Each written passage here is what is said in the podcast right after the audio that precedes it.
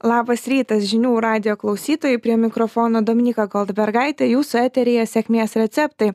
Kalbamės apie tai, kokių veiksmų imasi Lietuvos įmonės stipriai išaugus energijos išteklių kainoms, kaip pradėjo gal ir iki šiol taupę energetinius, žmogiškuosius, finansinius ar kitokius išteklius ir kaip padeda tai daryti savo klientams.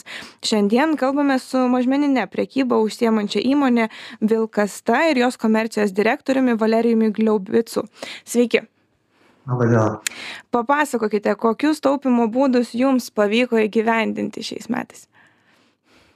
Nu, šiais metais, kadangi ta, iš, išaugo tie visi energetiniai e, kaštai, tai teko imtis visokiausių priemonių, tai aišku, jos, jos padaromos ir daromos, tai keitėm lempas į ledinės, kad būtų geriau sumažinom reklamos apšvietimą dėjom judesio daviklius patalpose kuriose nereikėtų junginėti kad žmonėms e, patalpose kuriose būnam ir kurių nenaudojam išjungiam elektros energiją nu vat tokiais paprastais būdais stengiamės sumažinti tuos kaštus, tas išlaidas.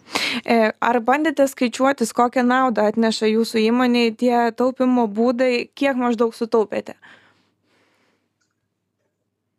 Dabar, žinokit, tiksliai negaliu pasakyti, bet tikrai davė efektą ir tikrai sumažėjo tos išlaidos, aš manau, kad kokie 20 procentų tikrai. E, paminėjote, kad dažniau reikia išjungti šviesą nenaudojimuose patalpose. Norėjau paklausti, ar dažnai reikia priminti savo darbuotojams, kad nepamirštų išjungti šviesą ir kaip galbūt tą darote?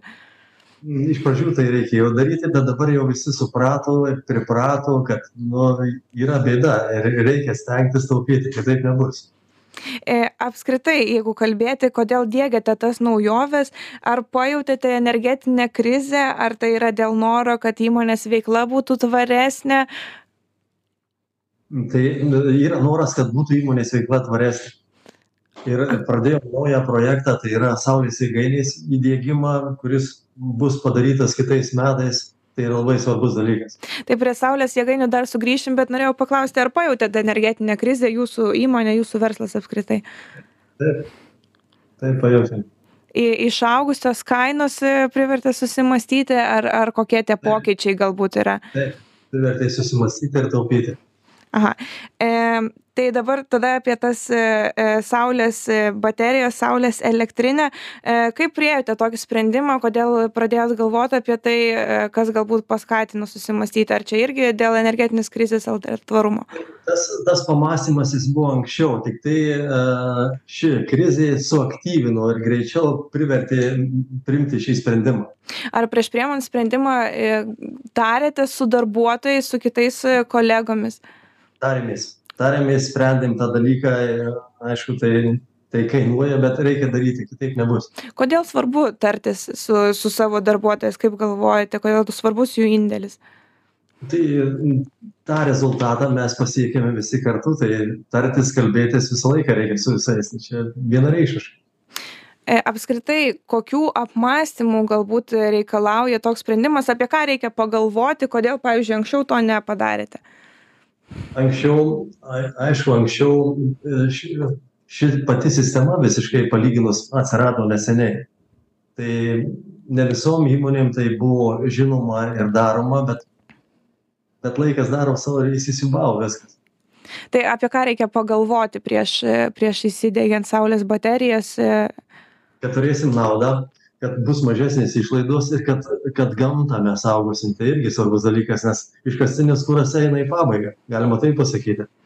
E, toliau tada norėjau paklausti taip pat, e, ar e, šiuo karantino laikotarpiu buvote pradėję vykdyti ir elektroninę prekybą, žinau, ar toks sprendimas jums pasiteisino?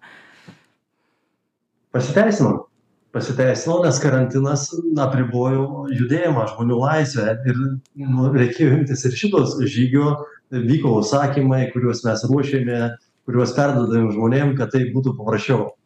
Užsakė paruošėm pardavėm tas vyko irgi. Ar tai leido išgyvent. Ar dar planuojate tęsti tokį dalyką, prekybą internete, ar jau atsisakėte po karantino? Ne ne užsakymus mes visus priimam. Kas kas parašo į į visus atsakom reaguojam tai yra žmonėm paprasčiau ir lengviau. Ir mum paprasčiau yra. Tai judant jau galbūt šiek tiek link pabaigos mes visada užduodam mūsų pašnekovam klausimą ar taupyti yra gėda? Tai kaip jūs galvojate? Ar gėda ar ne? Kodėl? Ne tikrai tikrai ne gėda ir reikia taupyti. Ir jeigu tai įmanoma daryti tai reikia visais įmanomais būdais. Kodėl tai kaip sako sūduvoji ką sutaupysi tai to nesumokėsi. O kaip manote kodėl kodėl dar yra galbūt toks stereotipas kad taupyti yra gėda? Na aš nemanau kad čia yra gėda. Tai yra aš manau kad tai yra protingo žmo žmogaus elgsena taupyti. Ne taip švaistytis viską į šalis nu tai kažkaip tai negalima tikrai. O kiek tuomet yra svarbus e, tvarumo įvaizdis įmonėje kiek šiais laikais galvojat yra svarbu savo įvaizdį e, palaikyti kaip tvarios įmonės? Tai nu kaip galbūt kaip ir pavyzdys nes mes vis tiek yra esame centre miesto visi mato aplinką aplinka tvarkoma prižiūrima. Tai kaip ir užduodam visiem kaip vienam toną tai irgi labai svarbus dalykas tai jeigu apibendrinti ir remiantis jūsų sėkmės receptu ką galėtumėt patarti kitoms įmonėms kaip sutaupyti kaip būti tvariems ir kaip išgyventi galbūt šitą energetinę krizę?